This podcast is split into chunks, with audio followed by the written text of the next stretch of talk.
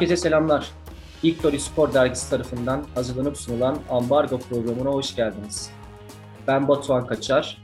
Mehmetcan Bilge ile beraber bu hafta ve önümüzdeki haftalarda sizleri farklı yolculuklara çıkaracağız. Programda istersen çeşitli turnuvalara damga vurmuş takımları ve bu takımların uygulamaya çalıştıkları dönemlerinin en popüler taktiklerini dilimiz döndüğünce anlatmaya çalışacağız. Bu program temelde güzel oyun ve bu oyuna katkıda bulunan jönleri içerecektir. Sözü daha fazla uzatmayıp topu cana atacağım. Abi hoş geldin. Nasılsın? Hoş bulduk Batucuğum. Teşekkür ederim. Sen nasılsın? İyiyiz abi. Aynı. Evet. ilk programda İtalya konuşalım istedik. Çünkü kupalara, belli kupalara ambargo koyan takımların belki de en sürprizlerinden bir tanesi. 82 İtalya takım. Çok iyi bir takım. Dedikleri zaman harika oynuyorlar. Genel olarak sürprizlik ifade ediyorlar Dünya Kupalarında. Dolayısıyla biz de İtalya'yı konuşalım istedik. Evet abi İtalya gerçekten büyük bir sürpriz yapıyor. İtalyanlar bazen iyi, bazen de gözümüzü zehirleyen futbol oynayarak finale kadar geliyorlar ve kazanıyorlar. Peki abi İtalya turnuvaya gelmeden önce bir kaosun içerisindeydi. Bunu biliyoruz. Tottenham denilen bir facia var. Bu İtalya takımını iki yıllık süreçte nasıl etkilemiş olabilir? Şimdi tabii Tottenham ne demek? Önce ona bir bakalım. Tottenham İtalya'daki yasa dışı bahis yani yine devletin bizdeki oynattığı spor toto var. Bu Totto zaten kelime anlamıyla kara toto anlamına geliyor. Yani e, illegal. Burada da işte 1980 yılında ortaya çıkıyor. Yaşlı bazı yaşlı oyuncuların şike yaptığı ortaya çıkıyor. Tabii bundan sadece yaşlı oyuncular etkilenmiyor. Bir sürü oyuncu ceza alıyor falan filan. Ama en sanırım işin cicilli noktası diyebileceğimiz nokta Milan ve Lazio'nun küme düşürülmesi ve o dönemin Perugia'dan e, Juventus'a transfer olan genç yıldızı Paolo Rossi'nin iki yıl futboldan men cezası alması. Tabii bu birçok tartışmayı da beraberinde getiriyor. Hani 82'ye nasıl gidilecek? Takımın üstünde bir baskı var. Sonuçta şike skandalı olmuş ama Berzot yani milli takım antrenörü ısrarla şeyi savunuyor. İşte ben Rossi istiyorum, ben Rossi istiyorum. Hani böyle bir oyuncunun oraya götürülmesi çok büyük tartışma. Zaten cezası da indiriliyor biliyorsun. Normalde Aralık ayında bitecek cezası. Evet. Ama mahkemeden bir karar aldırılıyor. E tabii Berzot ve Pertini İtalya Cumhurbaşkanı araya giriyor. Rossi'nin cezası düşürülüyor. O da takıma katılıyor. Tabii burada kaosun nedenlerinden bir tanesi dönemin İtalya gol kralı Pruzzo'nun, Romalı Pruzzo'nun ve yine Romalı Di Bartolomeo'nun takıma alınmaması bunlar da çok büyük tartışmaları getiriyor yanında. Dediğim gibi Tottenham bir kaos yaratıyor İtalya futbolunda. Peki abi, e, Prozova Di Bartolomeo'nun dışarıda kalması dedik. Peki neden dışarıda kalıyorlar? Yani Berzot'un kurduğu kadro planlamasından bize biraz bahsedebilir misin? Abi Berzot kendi oyuncularıyla oynamak istiyor. Aslında bu çok anlaşılabilir bir durum. Rusya'ya çok inanıyor, çok güveniyor. Ha belki şunu diyebiliriz işte hani Grazian, Graziani'nin yerine şey olur muydu? Pruzzo olur muydu? Ama yani onu işte hoca Rossi'ye takıntılı ama tabii ki turnuvayı seninle beraber izledikçe de şunu gördük. Graziani tam bir görev adamı. Tam bir görev oyuncusu gerçekten. Ciddi şekilde takıma katkısı var. E Pruzzo ve Rossi ikilisi belki bir orada şey yaratabilirdi. Çünkü ikisi de gerçekten çok hani golcü oyuncular. Çok golcü oyuncular ama işte kendi oyuncularıyla oynamak istiyor. Aynı şekilde Di Bartolomeo da öyle. Antonioni'yi Di Bartolomeo'ya tercih ediyor. Yani tamam belki Di Bartolomeo biraz daha geride oynayan belki zaman zaman hani onu Nice Lidl liber olarak falan da kullanıyor ama hani aslında orijin itibariyle orta saha oyuncusu. Dolayısıyla Hani Berzot'un seçimleri bunlar ki zaten bu takımla biliyorsun geçmişte genç takımlardan da çalıştığı için hepsiyle çok iyi tanıyor e, takımın genelini ve Bence şu da etkili burada Batu. Ee, bir Juventus şeyi var orada. Sonuçta oyunculara baktığımız zaman hepsi Juventus'tan birbirini tanıyan oyuncular. İşte defans hattı olsun, orta saha olsun. Hani bunlar çok şey. Ee, tek Romalı biliyorsun e, düzenli oynayan takımda. Conti oraya da geliriz zaten. Evet, Graziani dedik. Aslında orada Pruzzo'nun tercih edilememesinin bir sebeplerinden biri de Rossi'nin maç eksikliği olabilir. Çünkü Rossi'nin yanında daha çok mücadele etmeye müsait Graciano'nun olması bence daha mantıklı bir tercih gözüküyor. Çünkü Pruzzo'nun aynı mücadeleyi gösterebileceğini ben düşünmüyorum açıkçası. Ya yani biliyorum. yapı olarak bahsediyorum. Yapı olarak çünkü daha Rossi'ye yakın, daha bitirici, daha striker özellikleri yüksek. Ama Graciano mesela orta sahaya kadar gelip orta sahada böyle dövüşebilir. Ki bunu defalarca gördük ki defalarca. biliyorsun yarı finalde, finalde de bu yüzden sakatlanıyor zaten Graciano. Evet. Yani bu boğuşmalara girdiği için sakatlanıyor. O yüzden Graciano tercihi bence Berfut'un tutmuştur diyebiliriz. Kesinlikle doğru söylüyorsun. Bir de şöyle bir şey var tabii. Yani bunu aslında Pruzzo stoperleri alıp hani sırtında taşıyabilecek bir oyuncu. Belki mücadele yönünden hani pek fazla bir eksiklik hissetmeyecektir ama e, burada senin dediğin gibi hani net iki striker'dansa bir striker, bir forvet Hani daha böyle mücadeleci, daha böyle etkili oyuncuyu yani Berzot tercih etmiş olabilir. Sonuçta tamam şimdi böyle konuşuyoruz ama sonuç olarak e, ne olduğunu gördük zaten. Yani bu sadece bir Roma taraftarı olarak beni biraz e, şey yapıyor. Seni biraz üzmüş bu durum. Sana. Aynen beni biraz üzüyor. Yoksa şey hani Di Bartolomei falan gerçekten çok iyi oyuncu yani. Yani orada şey de çok iyi. Tardelli ve Oriali abi yani muhteşem oynadılar yani turnuva boyunca. Turnuva boyunca çok iyiler ama gerçekten grup maçlarında e, büyük bir artık e, bu iki yılın getirdiği bir e, sıkıntı mı desem, evet. bir problem var. Yani veya takım hala ne oynamak istediğini veya ne oynadığını bilmiyor. Yani gözle görülür bir şekilde İtalya takımı neden favori değildiğinin en net göstergesi grup maçlarıdır. Yani grup maçlarında 3 beraberlik ve sadece 2 gol. Kamerun'dan bir gol fazla attıkları için ikinci tura çıkıyorlar. Evet. Göz kanatan bir grup performansı. Aslında grup performansına girmeden önce istiyorsan taktiksel yapıdan bir, biraz bahsedelim. Gözlerde canlansın takımın yapısı. Şimdi bir kere Catenaccio oynuyorlar. İtalyan Catenaccio'su klasik. Tabii şimdi şöyle bir şey var. Yani Catenaccio dediğimiz zaman insanların aklında hep şey beliriyor. Savunma. Salt savunma böyle Hatta büyüklerimize sorduğumuz zaman hep şey derler. İtalya çok savunma yapıyordu falan filan. Hayır öyle olmadığını senle gördük. İnanılmaz derecede bir karşı presle atağa geçip gol atma var. Bunu Almanya maçında gördük. Brezilya maçında gördük. Arjantin maçında gördük. Polonya maçında gördük. Hemen hemen ikinci grup maçlarından sonra inanılmaz bir yükseliş var. Peki nasıl oynuyordu bu takım? Yani Catenaccio nedir aslında? Hemen oradan başlayalım. Kalede Zoff var. Ondan sonra Libero'da Şire'yi kullanıyorlar. Beckenbauer'den sonra gelmiş geçmiş en büyük liberolardan bir tanesi. Ki sen de hayran kaldın zaten. Müthiş, müthiş bir turnuva performansı var. Hayran kaldım kendisine. Evet, müthiş bir turnuva performansı. Şimdi bu Catenaccio'da sağ bek Batu biraz daha stoper özelliklidir. Orada biraz daha içe gelerek oynarlar. Böyle burada turnuvada sağ bekte Gentile, Gentile'nin yerine bazen Bergomi kullanılıyor. Daha böyle stoper özellikli oyuncular seçiliyor orada. Şiria'nın önünde stoper olarak Kollovati oynuyor Milanlı. Ondan sonra sol bek Cabrini. Şimdi sağ kanadı dedi, demiştik ya e, biraz daha stoper özellikleri diye. Sağ önde Conti oynuyor. Sol ayaklı bir sağ kanat oyuncusu. Hani hep şey denir ya işte ters ayaklı kanat oyuncuları bugünün oyuncularıdır. Hayır bugünün değil 82'de Conti bunu yapıyor ki zaten bunu sende şeyde de görmüştük. Hatırlarsan 70 Dünya Kupası'nda da görmüştük bunu seninle birlikte. Hatta çok çok takımda bunu kullanıyoruz. Orada Conti oynuyor. Mükemmel oynuyor. Orta sahada iki yönlü oyuncu olarak bence bugün paha biçilemeyecek Tardelli var Juventus'tu. Onun yanında Oriali oynuyor e, ilk maçlarda Marini oynuyordu hatırlıyorsan. Marini kötü bir performans evet. sergiliyor. Onun yerine de Oriali giriyor. Bence Tardelli ve Oriali birbirini tam olarak tamamlayan iki oyuncu oluyor. Fantasista'da yani Trecartista'da 10 numarada e, Antonioni'yi kullanıyorlar. Fiorentinalı Antonioni. Forvet ikilisi Graziani ve Rossi. Graziani biraz daha sola doğru yatkın. Hem orada Cabrini'nin önünde oynuyor hem de daha çok forvet karakterli. İşte o Rossi ve Pruzzo anlatısının temeli de burada. Graziani biraz daha kanallara deplese olarak kanatlara deplese olarak oynayabilen bir oyuncu ama Pruzzo öyle değil. O tam bir nokta santraforu. Dolayısıyla Rossi ile evet ikisi orada sıkıntı yaratabilirdi. Zaten Graziani'nin yerine de ara ara Inter'le Altobelli oynuyor. O zaman daha 20, 25 yaşında. Solbek daha ileri çıkıyor. Burada onu söyleyelim. Dedik ya sağ bek biraz daha içe dönük stoper olarak. Cabrini ise bağlasan durmaz. Bir sol bek zaten hani uçanı kaçanı kovalayan bir adam. Yani dolayısıyla takımın taktiksel görünüşü dörtlü defans gibi görünse de aslında daha çok bir üçlü defans. E, Gentile, Şirea ve Kollovati'den oluşan bir üçlü defans. Cabrini sol bek gidiyor. Tardili, Orielli, Oriali, Conti sağ kanat, Antonioni, Trecartista, Graziani ve Rossi. Takımın taktik yapısı bu. Yani Catenaccio da budur aslında. Yani beşli defans değildir Catenaccio. Üç, aslında dör, evet. dörtlü gibi görünen bir üçlü savunma vardır orada. Defans yapmaya başladıkları zaman dördü beşi dinlemiyorlar. İnanılmaz pozisyon aldıkları için sanki defansa 20 kişi gibi gözüküyorlar. Evet, evet. İtalya'nın sanki en büyük özelliği de bu gibi yani. Kesinlikle öyle ve e, hani şöyle bir şey de var. Bunu sen de gördün.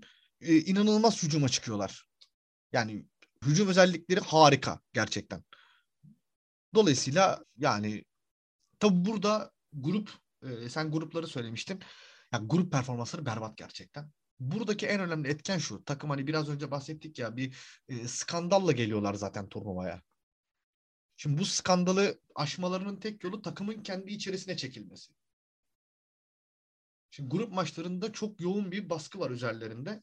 Dolayısıyla bu baskı takımı kötü etkiliyor. İşte Rossi'nin golü yok. Ya bu adamı mı aldın falan bir sürü e, baskılar var Berzot ve takımın üzerinde. Daha sonra takım bir karar alıyor. Diyor ki bundan sonra hiçbir şekilde dışarıya açılmıyoruz. Hiçbir şekilde dışarıya açılmıyoruz. Takımdan sadece Zof görüş bildirecek. Kaptan konuşacak. Bu arada şunu da ekleyeyim. Zof ve Şireya o da arkadaşı. Sakin güçler. Yani inanabiliyor musun? güçler, evet. Sakin güçler. Hani Şireya turnuva boyunca gerçekten muazzamdı. Burada ben sana taktikle alakalı şunu sorayım. Ee, Şireya ve Conte hakkında ne dersin? Ben de o iki oyuncuya şey yapmıştım. Hatta sana dün akşam finali seyrederken en iyi oyuncu kim demiştim. Sen bir Conte, iki Şireya dedin. Conti ve Şireya dedik abi. Yani ben e, izlediğim zaman açıkçası e, Conti'nin gerçekten saf bir yetenek olduğunu düşünüyorum. İnanılmaz bir performans grup performanslarında bence sırıtmayan iki, iki tane, üç tane oyuncu vardı. Zoff, Şireya ve Conti. Diğer oyuncuların hepsi belirli aralıklarla aksarken bu üç oyuncu hiç aksamıyordu. Zaten grup performanslarında tutunmalarının yani gruplarda tutunmalarının bir üst çıkmalarının en büyük sebebi de bu üç adamdır bana göre. Şire'ye çok e, alışa gelmedik bir şekilde oynuyor. Aslında bu dönemi e, izleyenler, o dönemde yaşayanlar Libero sisteme çok yakınlar. Fakat biz bunu kaçırdık, göremedik, izleyemedik tam. Özellikle ben ilk defa izlemiştim Libero sistemi. Fakat Şire'ye Şire'ye abi sahanın tamamında oynuyor. Belli bir pozisyonu yok. Ee, geri geldiği zaman, defansta geri geldiği zaman, sol bekte, orta sahada hatta finalde forvette bile göreceğiz Şire'yi. Ki forvette bile, finalde biliyorsun golün asistini yapan oyuncu, asistin asistini yapan oyuncu Şire'ye olacak orada. Ee, ya gerçekten İtalya takımının e, en büyük şansı bana göre e, çok iyi bir kalecisinin olması, çok iyi bir liberosunun olması ve orta sahasında çok iyi iki oyuncu olması. Yani striker'ını hiç saymıyorum. Rossi'ye hiç gitmiyorum yani. E, Conti, Tardelli, Şireya, Zoff ve Rossi bu adamlarla beraber, bu adamların üstü koydukları takımla beraber herkesi yenmeyi başarıyorlar. Gruplar hariç, grupları hiç konuşmuyoruz arkadaşlar. Bakın grupları bir kenara attık çünkü çok kötüler gerçekten takım olarak gruplarda.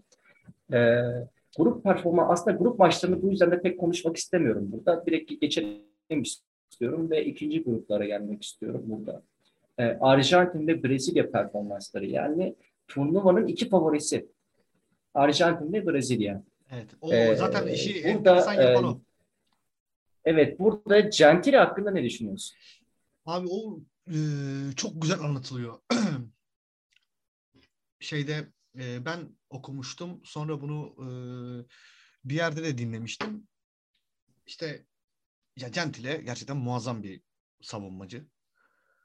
Sağ bek ama hani inanılmaz bir şeyi var. E, nedir onun adı? Markaj yeteneği var.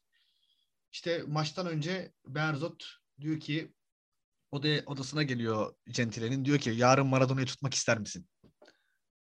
Ondan sonra o da şaka yaptığını falan düşünüyor en başta. Sonra hayır diyor şaka yapmıyorum. Yani sen tutacaksın. O da tamam diyor ve Maradona'yı tutuyor. Aslında tutmuyor Maradona'yı. Maradona'yı pasifize ediyor. Sahadan siliyor yani. Ondan sonra eee, iyi bir yerden girdin konuya. İtalya-Arjantin maçı. Yani evet Gentile Maradona ama aynı zamanda yani muazzam bir sertlik. Sahada bir e, şey var. Bir savaş var yani. Bir meydan savaşı. Önüne gelen tekme atıyor. Hani takımın en e, kadife ayaklı oyuncusu diyebileceğimiz Arjantin'in Kempes yani tekmeler tekmeler aman ya Rabbim. Ondan sonra Ardiles Kempes'in mesela. içinden bir canavar çıkıyor gerçekten. Aynen öyle. İşte mesela Ardiles muazzam bir oyuncudur. Sen de çok beğendin. O ileri koşuşları Evet. ondan sonra yani muazzam oyuncudur Ardiles. Ardiles'in formasını yırtıyorlar falan böyle. O yırtık formayla şeyi bitiriyor. Yine Gentile yırtıyor formayı. Evet Gentili. Ondan sonra e, Arjantin'i 2-1'le geçiyorlar. E, yine bak ikinci yarıda şey yapıyorlar. İlk yarı böyle biraz sinik oynuyorlar ama ikinci yarı taktik maktik yok artık bam bam bam. Hani e, geçip gidiyorlar. Bu maçta en çok şunu görmüştük hatırlıyorsan. Conte'nin savunma arkası topları. Çok deniyorlar onu. E, ve şey bu arada farkındaysan şey hala yok. Rossi hala yok. Rossi'nin hala golü yok yani. Evet Rossi hala piyasada. Ondan sonra benim e, artık çok sevdiğim bir maç, yarı final maçı, şey ikinci grup, ikinci grupların ikinci maçı, Brezilya İtalya maçı. Biliyorsun ben bu maç için özel cips ve kola hazırladım. Ondan sonra muazzam bir maçtı. Evet. Muazzam bir maçtı. İşte Rossi artık burada e, titrini ortaya koyuyor. 5, 25 ve 74'te hat-trick. Hepsi arka direk. Arka direk koşusu ve orada Hepsi arka direk. aynen kafayı Evet arka direk Conte. arka direk Conti. Conti'nin çabası arka direk golü yani. Ondan sonra burada Gentile tekrar sahnede. Bu sefer Zico'yu tutuyor. Hatta işte yıllar sonra verdiği röportajda şey falan diyor Gentile. Ben diyor üst üste iki maçta Maradona ve Zico'yu tuttum. Ee, Maradona hala konuşuyor. Zico ile maç sonu e, sarmaş dolaş içeri girmiştik diyor. Ondan sonra e, burada sanırım bu maç özelinde bahsedeceğimiz iki şey var. Birisi Brezilya'nın kalecisi ve Brezilya'nın santraforu. Yani o, takıma o kaleci ve o santrafor. Yani Brezilya o Fenerbahçe gibi. Hani doğru takım, doğru hoca. yanlış takım, doğru hoca falan. Hep bu ikilem vardır ya Fenerbahçe'de. Aynı şey Brezilya için de geçerli. Evet. Yani oyuncuları tek tek saymaya kalktığımızda e, Cerezo, Sokrates, Zico, Falcao eder. Ya Batu bugün bu adamların değeri 1 milyar euro falandır herhalde yani. Hepsinin Evet, müthiş bir takım ama dediğin gibi yani e, İtalya'nın maçı kazanmasının en büyük sebebi kale atanının ve tutanının çok iyi olması. Brezilya'da Aynen maalesef o yok. Brezilya maç boyu daha hakim, daha istekli, daha iyi ama e, İtalya gerçekten 3-4 defa çok ciddi pozisyona giriyor ve üçünde de skoru almaya başarıyor aslında. Yani yine sahadan siliyorlar bak. Yine sahadan siliyorlar. İnanılmaz bir pasifize özelliği. Ya inanılmaz bir şekilde bu, bu konuda çok haklısın. Çok baskı yiyorlarmış gibi gözüküyorlar. Ama, Ama çok rahatlar. Yani çok rahatlar. Yani ve aslında onlar e, her şey normalmiş gibi davranıyorlar. Çok garip. Yani e, Zico'nun, Sokrates'in, Falcao'nun, Eder'in olduğu bir takımı bu kadar pasifize etmek gerçekten çok zor. Bence e, senle de aynı şeyi konuşmuştuk. Sen sanırım finali daha çok seviyorsun. Ama ben e, bu maçı çok farklı bir yere koyuyorum. Çünkü gerçekten çok güzel maç. Hani e, ağzımın suyu aka aka seyrettiğim bir maç benim. E, yarı finalde rakip Polonya. İlk maçta 0-0 berabere kalınmıştı. Polonya vura vura geliyor yarı finale. Hani hiç kimseye acımıyor. E, ama e, şeyin yokluğu, 17 yoklu. Bonyek'in yokluğu gerçekten takımı çok şey yapıyor. Burada da Lato'yu ve Çok Smo- etkilemiş Evet, gerçekten. burada Lato'yu ve Smolare'yi İtalyanlar mahvediyorlar gerçekten böyle yani bildiğin hani e, Lato hayatında bu kadar kötü top oynamamıştır. Smolarek bu kadar etkisiz kalmamıştır yani hayatında ki bunlar çok çok üst düzey futbolcular. Belki Lato biraz yaşlı ama 2-0'la geçiyorlar abi hiç acımıyorlar yani. Ondan sonra e, şimdi senin burada artık e, final ne diyorsun sen final için? Ya final için şimdi e, aslında önce şunu söylemek istiyorum. E, turnuvaya başlamadan önce e, önüme bir kağıt kalem aldım ve İtalya kadrosunu yazmaya başladım. Ve kadroya yazdıkça çok heyecanlanmıştım. Çünkü gerçekten inanılmaz maçları izleyeceğimi düşünüyorum. Çünkü isim isim çok büyük oyuncular, çok büyük karakterler. Her birisi futbol tarihine damga vurmuş, ambar atılmış isimler. Hem kulüpte, kulüp takımlarında hem de dünya dünya kupalarında. E, fakat e, dediğim gibi yani grup performansları ve izlediğim maçlar gerçekten 90 dakikalar bana eziyet bir şey yerde. E, beklediğim patlamayı Arjantin ve Brezilya maçlarında birazcık alsam da asıl beklediğim yani kağıda yazdığım isimlerin isimlerden beklediğim oyunu ben finalde gördüm. Finalde muazzam bir performans verdiler. Her biri ayrı ayrı. Gerçekten e, neden e, gerçekten neden heyecanlandığımı finalde gördüm. E, biliyorsun ben diğer maçlarda biraz kesik kesik izleme izliyorum böyle daha çok e, maçları. Fakat finalde gerçekten gözüme ekrandan alamadım böyle. Görüntü de çok güzeldi çünkü. E, o yüzden final hakkında aslında şunu sormak istiyorum. Yani Almanya takımı gerçekten e, çok disiplinli bir takım. Her yönüyle. Yani hala o zaman bile 82'de bile Almanlar hala aynı o disipline devam ediyorlar. Yani şu anki Alman takımı disiplinden hiçbir farkları yok aslında. Yani mentalite olarak, taktik olarak hep aynı şeyi yapmaya çalışıyorlar. Fakat sence İtalya takımı burada neyi farklı yaptı? Yani gruplarda izlediğimiz yine Brezilya karşısında biraz daha böyle bazı anlarda aksadığını gördüğümüz İtalya takımı finalde nasıl böyle bir performans gösterdi sence? Bence onun cevabı şu. Şimdi savunma hatta ben sana maçı izlerken şey demiştim. Bana bir savunma takımı söyle. Atletico Madrid demiştin sen de. Evet. Ee, sana demiştim ki sence Atletico Madrid böyle savunma yapabiliyor mu? Demiştim. Sen demiştin ki abi böyle savunma yapmak için Yok. yani yıllar gerekir demiştin. Şimdi bu adamların genlerinde var. Bu savunmayı yapmak bu adamların genlerinde var. Yani e, bence savunma yapmak bu arada hücum yapmaktan çok daha zordur. Yani hücum e, bir iki pasta bir iki pasta enteresan işler yapabilir. Savunmak her zaman daha zordur. Katılıyorum buna. Kesinlikle öyle. Bu adamlar da gerçekten bunu çok iyi yapıyorlar. E, savunma performansları ve şöyle bir şey söyleyebiliriz. Almanlar her ucuma gittiklerinde hücumları genelde Litbarski, e, Breitner ve şey üzerinden dönüyor. E, Rumenige üzerinden dönüyor. Bu üçü üzerinden dönüyor. Abi bu üçünün önünde her zaman dört adam var. Sana dedim ya İtalyanlar sanki savunmada 25 kişi oynuyorlar diye. Yani evet. Bergomi geliyor, Cabrini geliyor, Collavate geliyor, Gentile geliyor, Şirea geliyor, Orialli geliyor, Tardelli, Tardelli geliyor. Hepsi birbirinin kademesine giriyor ve bu kademeler sürekli değişerek yapılıyor. Ya bu çok gerçekten çok zor bir şey bu. İlk yarı tamamen işi pasifize ettiler. Ve Almanya'yı resmen uyuttular abi yani. Almanya'yı uyutmak kolay değildir. Anlatabiliyor muyum? Bu çok ilginç bir şey ya, yani. Tabii ki de yani ki Almanya takımı e, bir maç önce yani yarı finalde Fransa gibi bir takımı geriden gelerek yakalayıp penaltılarda yiyor. Yani e, o disiplinden hiç kopmuyorlar. Onu demek istiyorum. Ama çok pasifize oluyorlar İtalyanlar karşısında. İtalyanlar evet. unutuyor gerçekten maç boyunca. Evet yani belki o Almanya maçından da Almanya Fransa maçından da bahsetmek lazım. E, biliyorsun orada e, Schumacher Batiston'a bir e, cinayete teşebbüs yapıyor. Evet. Ee, yani 3-1'den maç 3-3 oluyor falan. Hatta işte dönemin e, antrenörü, bordo antrenörü Emi Jake televizyon başında bağır, bağırmış yani 3-1'in oyunu bu değil, 3-1'in oyunu bu değil diye. Çok üzülmüşler orada.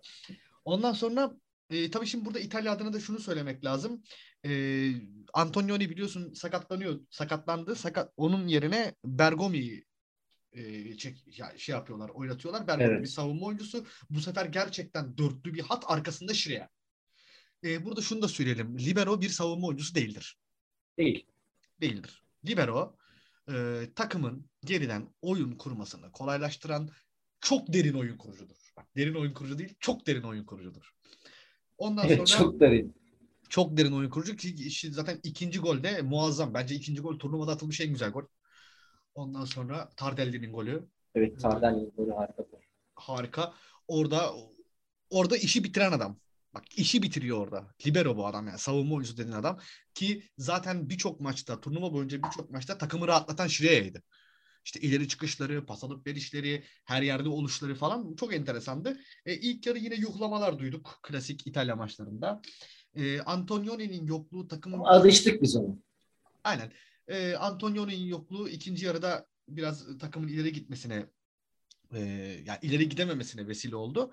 E, dolayısıyla ikinci yarıda e, 3-0'ı bulduktan sonra işte dönemin İtalya Başbakanı, İtalya Cumhurbaşkanı e, Sandro Pertini elini sallıyor böyle. Sen de çok sevdin. Çok güzel bir amcamız.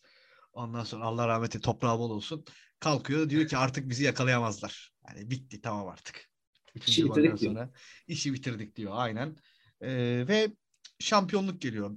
Aslında burada şampiyonluktan ziyade konuşulması gereken bir konu var. O da uçakta ver, verilen görüntü.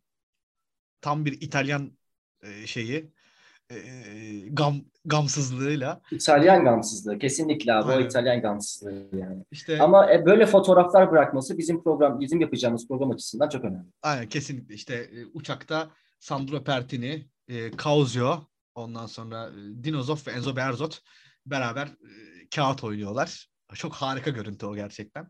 E, tabii burada e, şeyden bahsetmemiz gerekiyor bir de. E, şeyden bahsetmemiz gerekiyor. Sandro Pertini'den de bahsetmemiz gerekiyor. Ona da bir e, para, parantez açalım. E, Pertini enteresan bir adam. Bir partizan. Mussolini karşıtı. O Mussolini karşıtı gösterilerin içerisinde bulunan önemli bir devlet adamı. Hatta işte kupa Roma'ya geldikten evet. sonra kutlamada o hani meşhur balkon kutlamalarında e, o sahneye davet edildiğinde hayır bu sizin başarınız ben arka plandayım e, diyecek yani diyen bir adam. O yüzden hani çok e, gerçekten önemli bir e, şey o. Önemli bir anekdot. Yani aslında e, evet siyasete alet olabilir futbol ama böyle adamlar, böyle e, insanlar işi daha da güzelleştiriyorlar. Yani e, İtalya şampiyonluğu gerçekten enteresan bir şampiyonluk.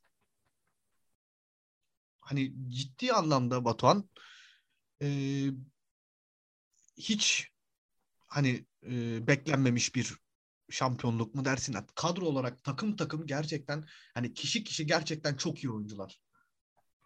Ama e, kötü oyun, ilk başlardaki kötü oyun, ondan sonra grup performansının berbatlığı, daha sonra ikinci gruplar, Arjantin ve Brezilya gibi iki devi ki Arjantin bir önceki şampiyon, Brezilya doğal favori.